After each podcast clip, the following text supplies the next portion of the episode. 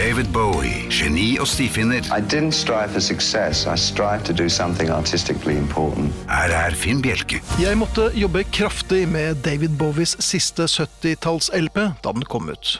Den virket kantete, utilnærmelig, og har i eftertid kanskje ikke fått den oppmerksomheten den burde.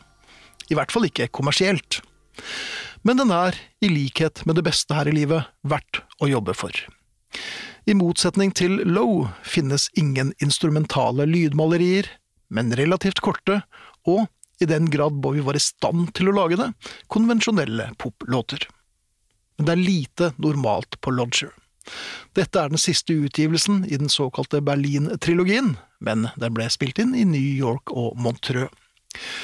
Samspillet med David Bowie og Brian Eno nærmet seg slutten, og det er kanskje derfor instrumentalene glimrer med sitt fravær.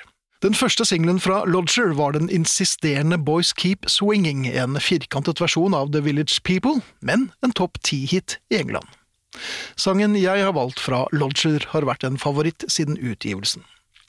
Fantastic Voyage er ikke veldig langt fra Boys Keep Swinging, men den er mer duvende og tempoet roligere.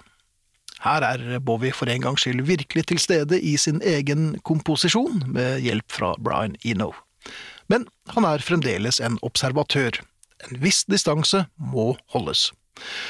Her er det politikere og ledere som får sine pass påskrevet, og der hvor kaoset og apokalypsen ble ønsket velkommen, fordi det i hvert fall ville medføre forandring, hører vi nå en resignasjon og en fatalisme i stemmen til David Bowie.